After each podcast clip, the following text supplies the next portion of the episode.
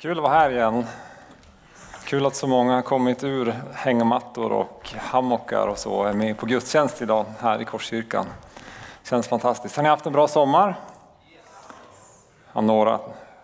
14 stycken har haft en bra sommar. Ni andra behöver inte säga vad ni, vad ni har gjort. Eh, jag har eh, haft en bra sommar. Eh, det har varit vilsamt, härligt, En sväng till Norrland. Ni hör på min dialekt att jag kommer från Västerbotten.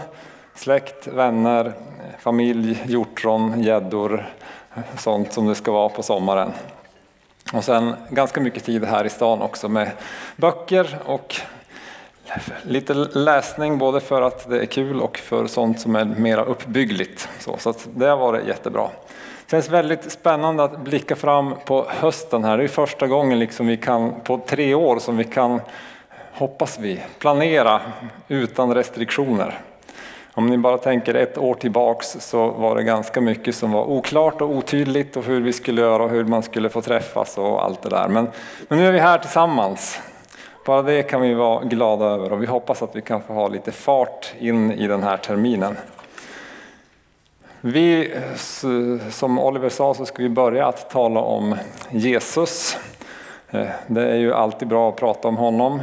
Men vi tror att när vi liksom tänkte på den här terminen att ja, men det, det, är väldigt viktigt att vi alla kan få bli ännu mer grundade personligen i en relation med Jesus. Så därför så, så vill vi börja där. För vi är ju i en tid, tror jag, där vi behöver honom ännu mer än tidigare som, som kristna och som Guds barn och så. Och kanske också hela den här världen behöver Jesus ännu mer än tidigare. Alltså vi är ju en en tid där saker och ting förändras snabbt och där stora behov uppstår på olika sätt. Och då tror vi att vi behöver Jesus. Här i församlingen är också det här med lärjungaskap, efterföljelse av Jesus en väldigt viktig tanke. Hur kan vi leva som Jesus skulle ha levt om han var jag? En sån tanke som vi har med oss. Men idag ska jag prata om Jesus som min mästare försöka förstå vem Jesus är som mästare. Och vi ska gå till Lukas evangeliet kapitel 5. Och den här berättelsen liksom tar sin början när Jesus helt plötsligt står på stranden vid Genesarets sjö. Folket tränger på från olika håll. Han har varit i synagogan, han har botat Petrus svärmor, han har gjort Eh, en del under och det börjar bli liksom lite så här eh, följare hos honom. Och folket tränger på för att de vill höra Guds ord. Och så ser Jesus två båtar som ligger vid stranden. Kan ni se det här? Ni har varit på stranden i sommar så ni kanske kan se två båtar framför er som ligger på stranden. Folkskaran som trycker på bakom och Jesus tänker ja men de här kan jag stiga ner i. Och så ser han att det är Petrus och hans kompisar berättelsen eh, alltså visar att Jesus kände Petrus för han har varit hemma hos hans svärmor som sagt. Och så ser Jesus de här två tomma båtar och säger, ja, men kan jag få låna din båt? Jag vill kunna undervisa folket. Så sätter han sig i båten och undervisar. Och det här som vi då ska läsa från vers 4. När han, Jesus, hade slutat tala sa han till Simon Gå ut på djupet och lägg ut era nät till fångst. Simon svarade, svarade Mästare, jag har arbetat hela natten och inte fått något. Men på ditt ord ska jag lägga ut näten. De gjorde så och de fick så mycket fisk att näten höll på att brista. Då vinkade de åt sina vänner i den andra båten att komma och hjälpa dem. Och de kom och fyllde båda båtarna så att de var nära att sjunka. När Simon Petrus såg detta föll han ner vid Jesu knän och sa, gå bort från mig Herre, jag är en syndig människa. Han och alla som var med honom hade gripits av bävan inför fångsten de hade fått. Även Jakob och Johannes, Sebedeus söner, som fiskade i lag med Simon. Men Jesus sa till Simon, var inte rädd, från och med nu ska du fånga människor. Då drog de upp båtarna på land, lämnade allt och följde honom. Jesus, vi ber att du ska tala till oss genom ditt ord idag. I Jesu namn. Amen. Petrus utbrister Mästare. När vi hör ordet mästare så kanske du tänker på, eh, om du tittade på TV igår kväll så kanske du tänker på Armand Duplantis som blev Europamästare i stavhopp. Eh, det är inte riktigt en sån mästare det här är frågan om och den bilden kanske inte riktigt helt stämmer med att vara en, den, den mästare som Jesus är. Eh, alltså jag, jag skulle kunna ha den här Mondo till förebild. Eh, men det skulle inte hjälpa mig att komma över sex meter i stavhopp. kan man säga. Eh, jag skulle inte ens vilja komma över sex meter i stavhopp, för det är väldigt långt ner. Eh, en bättre förståelse av mästare är ju, alltså in i det här sammanhanget, är ju en mästare och en lärling. Alltså någon som, tänk att liksom lära sig att baka surdegsbröd av en bagarmästare. Eller att lära sig fiska av en som är mästare på att fiska, som vet precis vilket agn man ska ha och vilken krok och på vilken sida av båten man ska kasta ut och sådana saker. Så att få lära sig det. Och det här, den här företeelsen var ganska vanlig den här tiden. Alltså man skulle nästan kunna säga att det är som i våran tid liksom är någon sån här riktig influencer som många följer. Så. Alltså en, en mästare som man kan lära sig av för att förstå något och för att bli som den mästaren. Och det är det här, den här förståelsen som ligger bakom den här texten. Och det är tre områden som jag vill liksom fokusera på för att se vad vi kan lära oss av Jesus. Och när vi pratar om Jesus som exempel så tänker vi ofta liksom att vi ska bli som honom. Och det är ju, det är ju rätt. Men, men det jag tänker fokusera på idag handlar mer om vad Jesus faktiskt vill visa mig och göra i mitt, mitt liv. Som jag kan lära mig av, av honom. Som, som jag kan förstå för att kunna förstå hur det är att leva som en lärjunge lite bättre. Jag hoppas att ni greppar det här alldeles strax. Det första handlar om att få insikt i hur Guds rike fungerar. Så I den här berättelsen så står det inte vad Jesus predikade från, från den här båten. Men i berättelsen så demonstrerar Jesus någonting av Guds rike som gör att Petrus och lärjungarna blir helt darriga. Eh, Petrus faller ner på knä och säger gå bort ifrån mig, jag är en syndig människa. Alltså, det är någonting av kraft här som fyller dem med rädsla och bävan. Och sen i slutet av berättelsen så lägger de ner allt och följer honom. Alltså, så det är något med, med, Jesus som händer mellan Jesus och lärjungarna här som, som jag tror att vi behöver försöka få syn på. Vad är det som händer i den här berättelsen? Lite längre fram i Lukas evangeliet i kapitel 8 så, så säger Jesus så här till samma gäng killar. Ni har fått nåden att förstå Guds rikes hemligheter. Ni har fått nåden att förstå Guds rikes hemligheter, det är Lukas 8 och 10. Men de andra får de i liknelser för att de ska se och ändå inte se, höra och ändå inte förstå. Här är liknelsens mening, säden är Guds ord. Så det är liksom uttryckt ur den liknelsen. Alltså att, att få nåden att förstå Guds rikes hemligheter. Alltså det finns ju något hemligt Alltså, i, I den här berättelsen så är det något hemligt som händer. Vad är det som händer mellan Jesus och Petrus?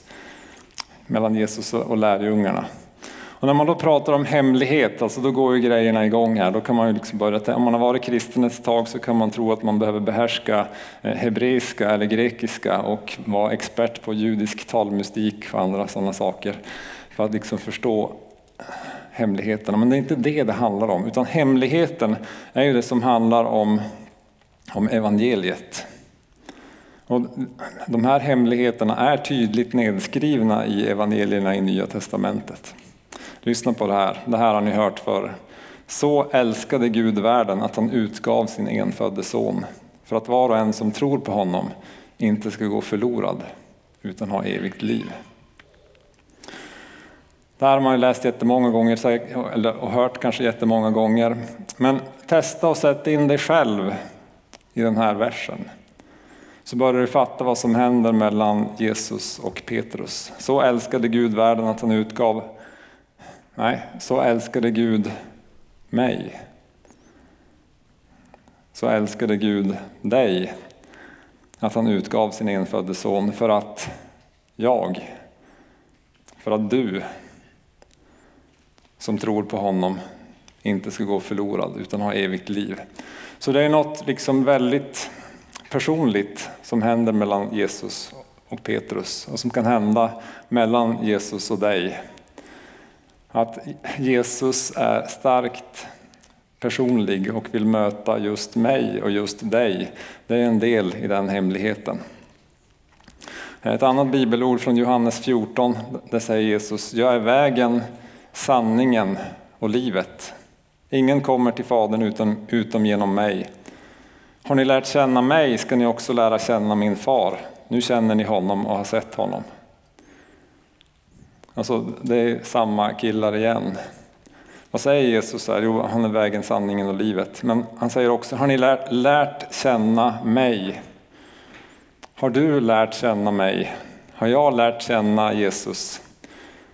Så ska jag också lära känna Fadern i himlen. Och så säger Jesus, nu känner ni honom, för ni har lärt känna mig. Alltså att lära känna Jesus på ett personligt sätt innebär att jag kan lära känna Gud.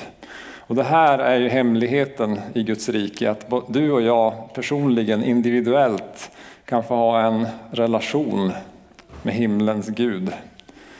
Och det är det här som liksom finns i den här bibelberättelsen som, in, som, som är närvarande men som är så svårt liksom att förstå. Vad är det som händer mellan Jesus och Petrus?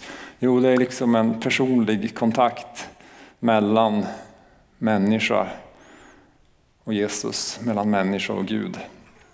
Och det är något som är väldigt viktigt i Guds rike. Så hemligheten med att ha Jesus som mästare, att lära känna honom och därigenom lära känna Gud, hemligheterna i Guds rike och kraften i Guds kärlek. Vi hade församlingsledningsträff här i torsdags och Olof, en av våra församlingsledare, bara liksom spontan brast ut ungefär så här. Eh, om folk ändå bara kunde förstå hur kärleksfull och god Gud är.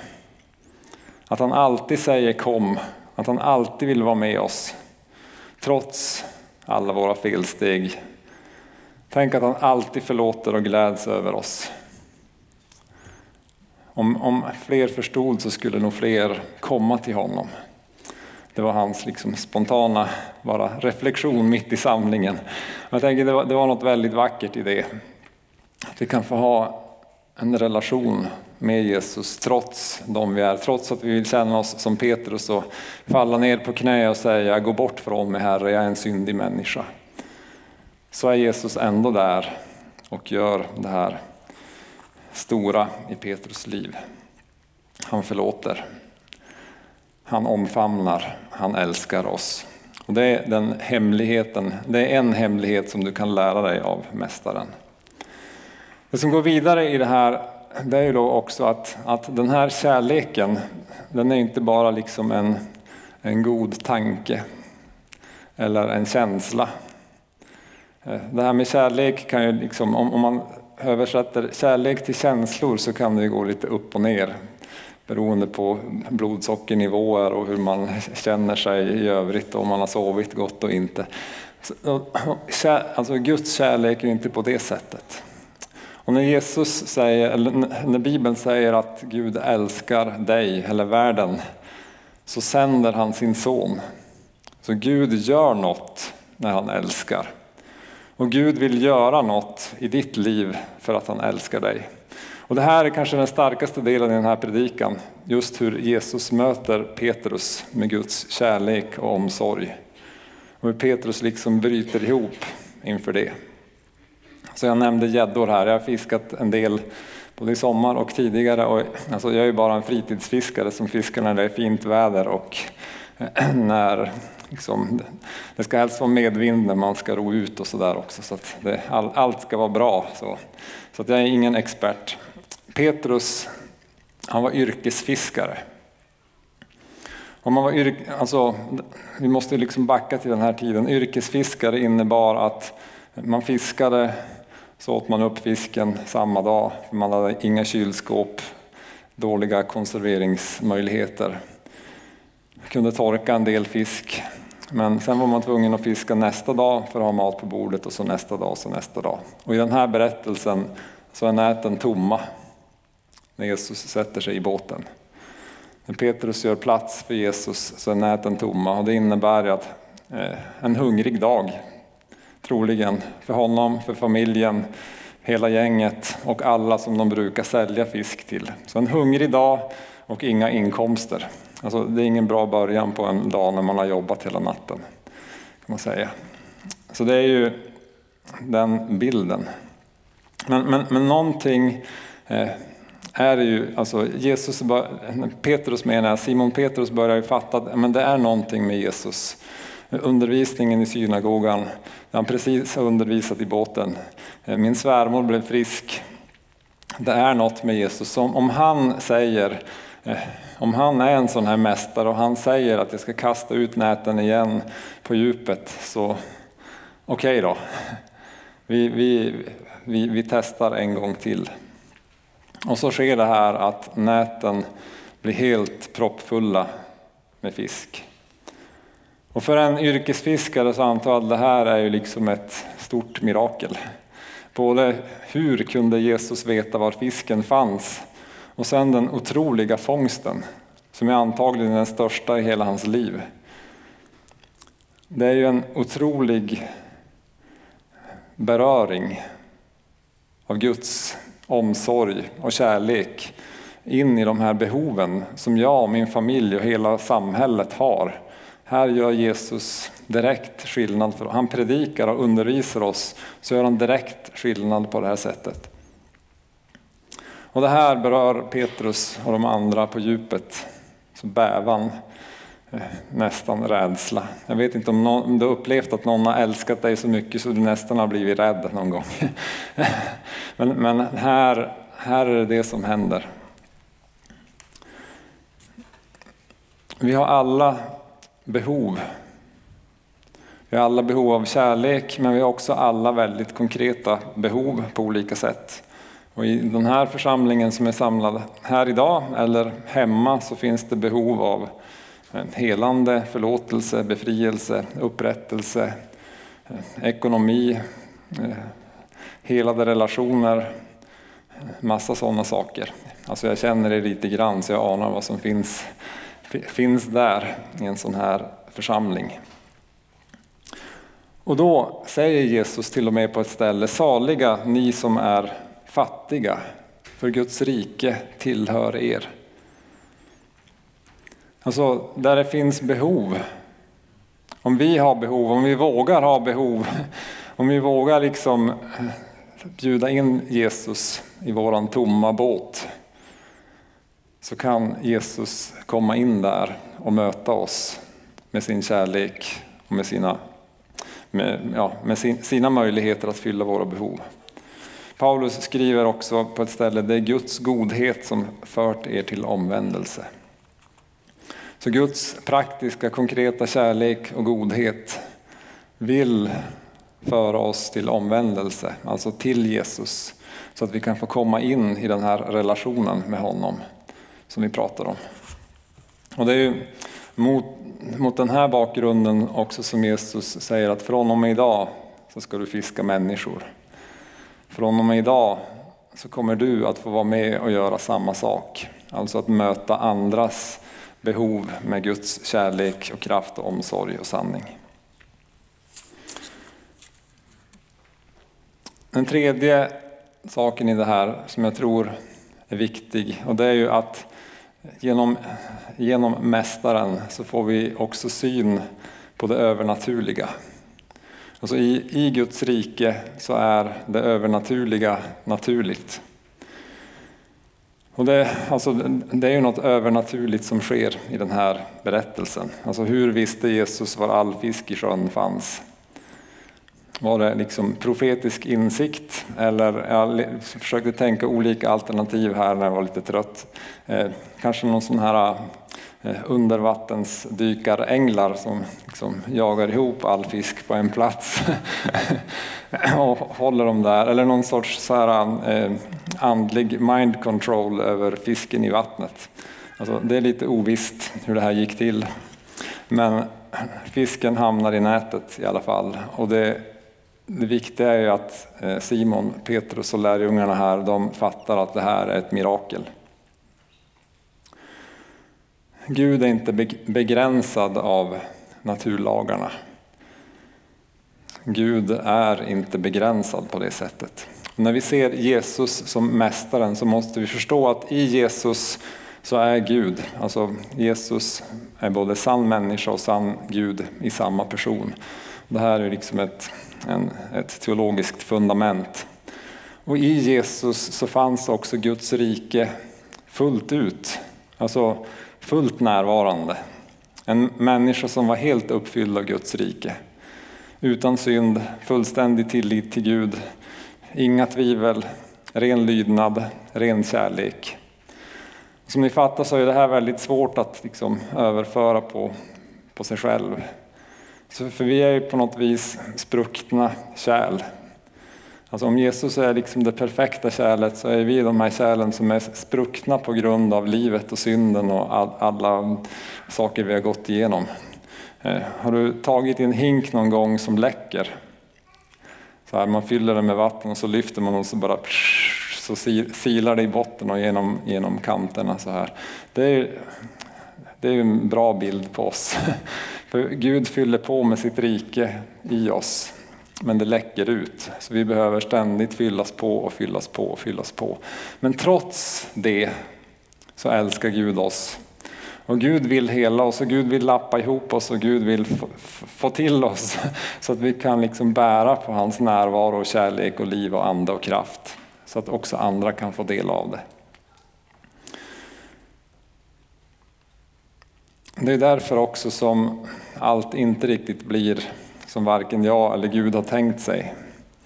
För att jag är inte riktigt som Jesus så här. Men jag kan få lära mig något av Jesus och Jesus kan göra något i mig genom sin ande och kraft och kärlek så att Gud kan använda mig.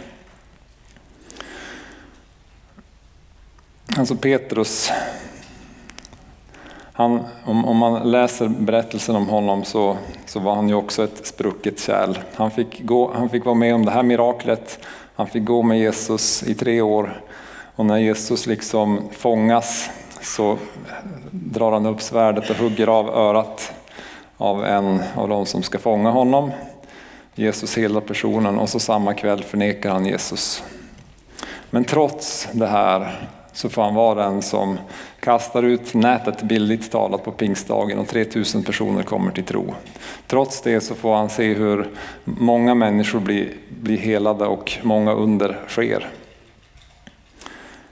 Det viktiga i det här är att Jesus visar dig och mig att det här övernaturliga är tillgängligt för oss.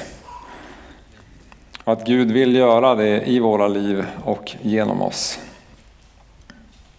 Trots mig, trots dig, så kan Gud göra det. Och det här tänker jag är väldigt stort. Trots världens ganska trotsiga attityd till Gud, till Guds rike, så kan Jesus ändå hela, befria, upprätta och göra under genom oss.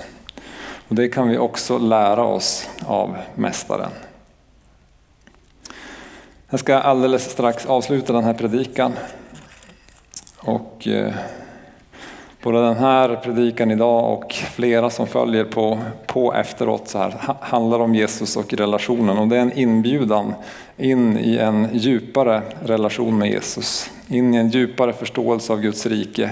In i en djupare upplevelse av Guds kärlek och omsorg i våra liv. Och in i en djupare förståelse också av av den övernaturliga delen av att vara en kristen och en Jesusföljare. Idag så är det liksom en inbjudan till dig att hänga med på den resan. I ett parallellställe så säger Jesus följ mig. Följ mig. Vi blandar ibland ihop följ mig och gå, med gå. Gå kommer senare. Nu pratar vi om följ mig. Börja relationen med Jesus, plocka upp relationen med Jesus igen. Plocka upp Jesus som mästare i ditt liv igen. Och du, du och jag vet att det handlar genom gemenskap i församlingen, genom att läsa Bibeln, genom att tillbe tillsammans, genom att vara med på en hemgrupp och be tillsammans med sina vänner, att be själv, att tillbe, alltså att leva det kristna livet. Men, men våga plocka upp det igen om det liksom har fastnat i hängmattan eller på badstranden i sommar någonstans. Och sen kommer vi tillbaks in i det. Om du aldrig har påbörjat liksom den här resan att följa Jesus så är ju idag ett jättebra tillfälle att börja följa honom. Att säga till Jesus, ja, du är min mästare, jag vill följa dig. Här i gudstjänsten eller hemma framför tvn eller skärmen så är också en tillfälle där du kan få bli berörd av Guds kärlek. Där Gud kan få beröra dig med, med sin kärlek och tala till dig och tala till ditt hjärta. Och det gör du genom att helt enkelt som Petrus göra plats för Jesus i din båt, i ditt hjärta, där du är. Och be Jesus kom, berör mig, visa mig din kärlek. Och i det kan du också få öppna upp och be Jesus hjälpa dig med ditt behov oavsett vad det är. Herre, vi tackar dig för ditt ord. Tack för att du är våran mästare. Tack för att du inbjuder oss att komma nära dig. Tack för att du ger oss möjligheten att ha en personlig relation med dig. Och nu ber jag att du genom din ande ska utgjuta av din kärlek, av din kraft, av din närvaro på ett påtagligt sätt. Men jag ber också att vi i gudstjänsten idag ska få se hur du svarar på bön, hur du visar din övernaturliga makt på olika sätt och hur du förvandlar våra liv och talar till var och en av oss att följa dig. I Jesu namn. Amen.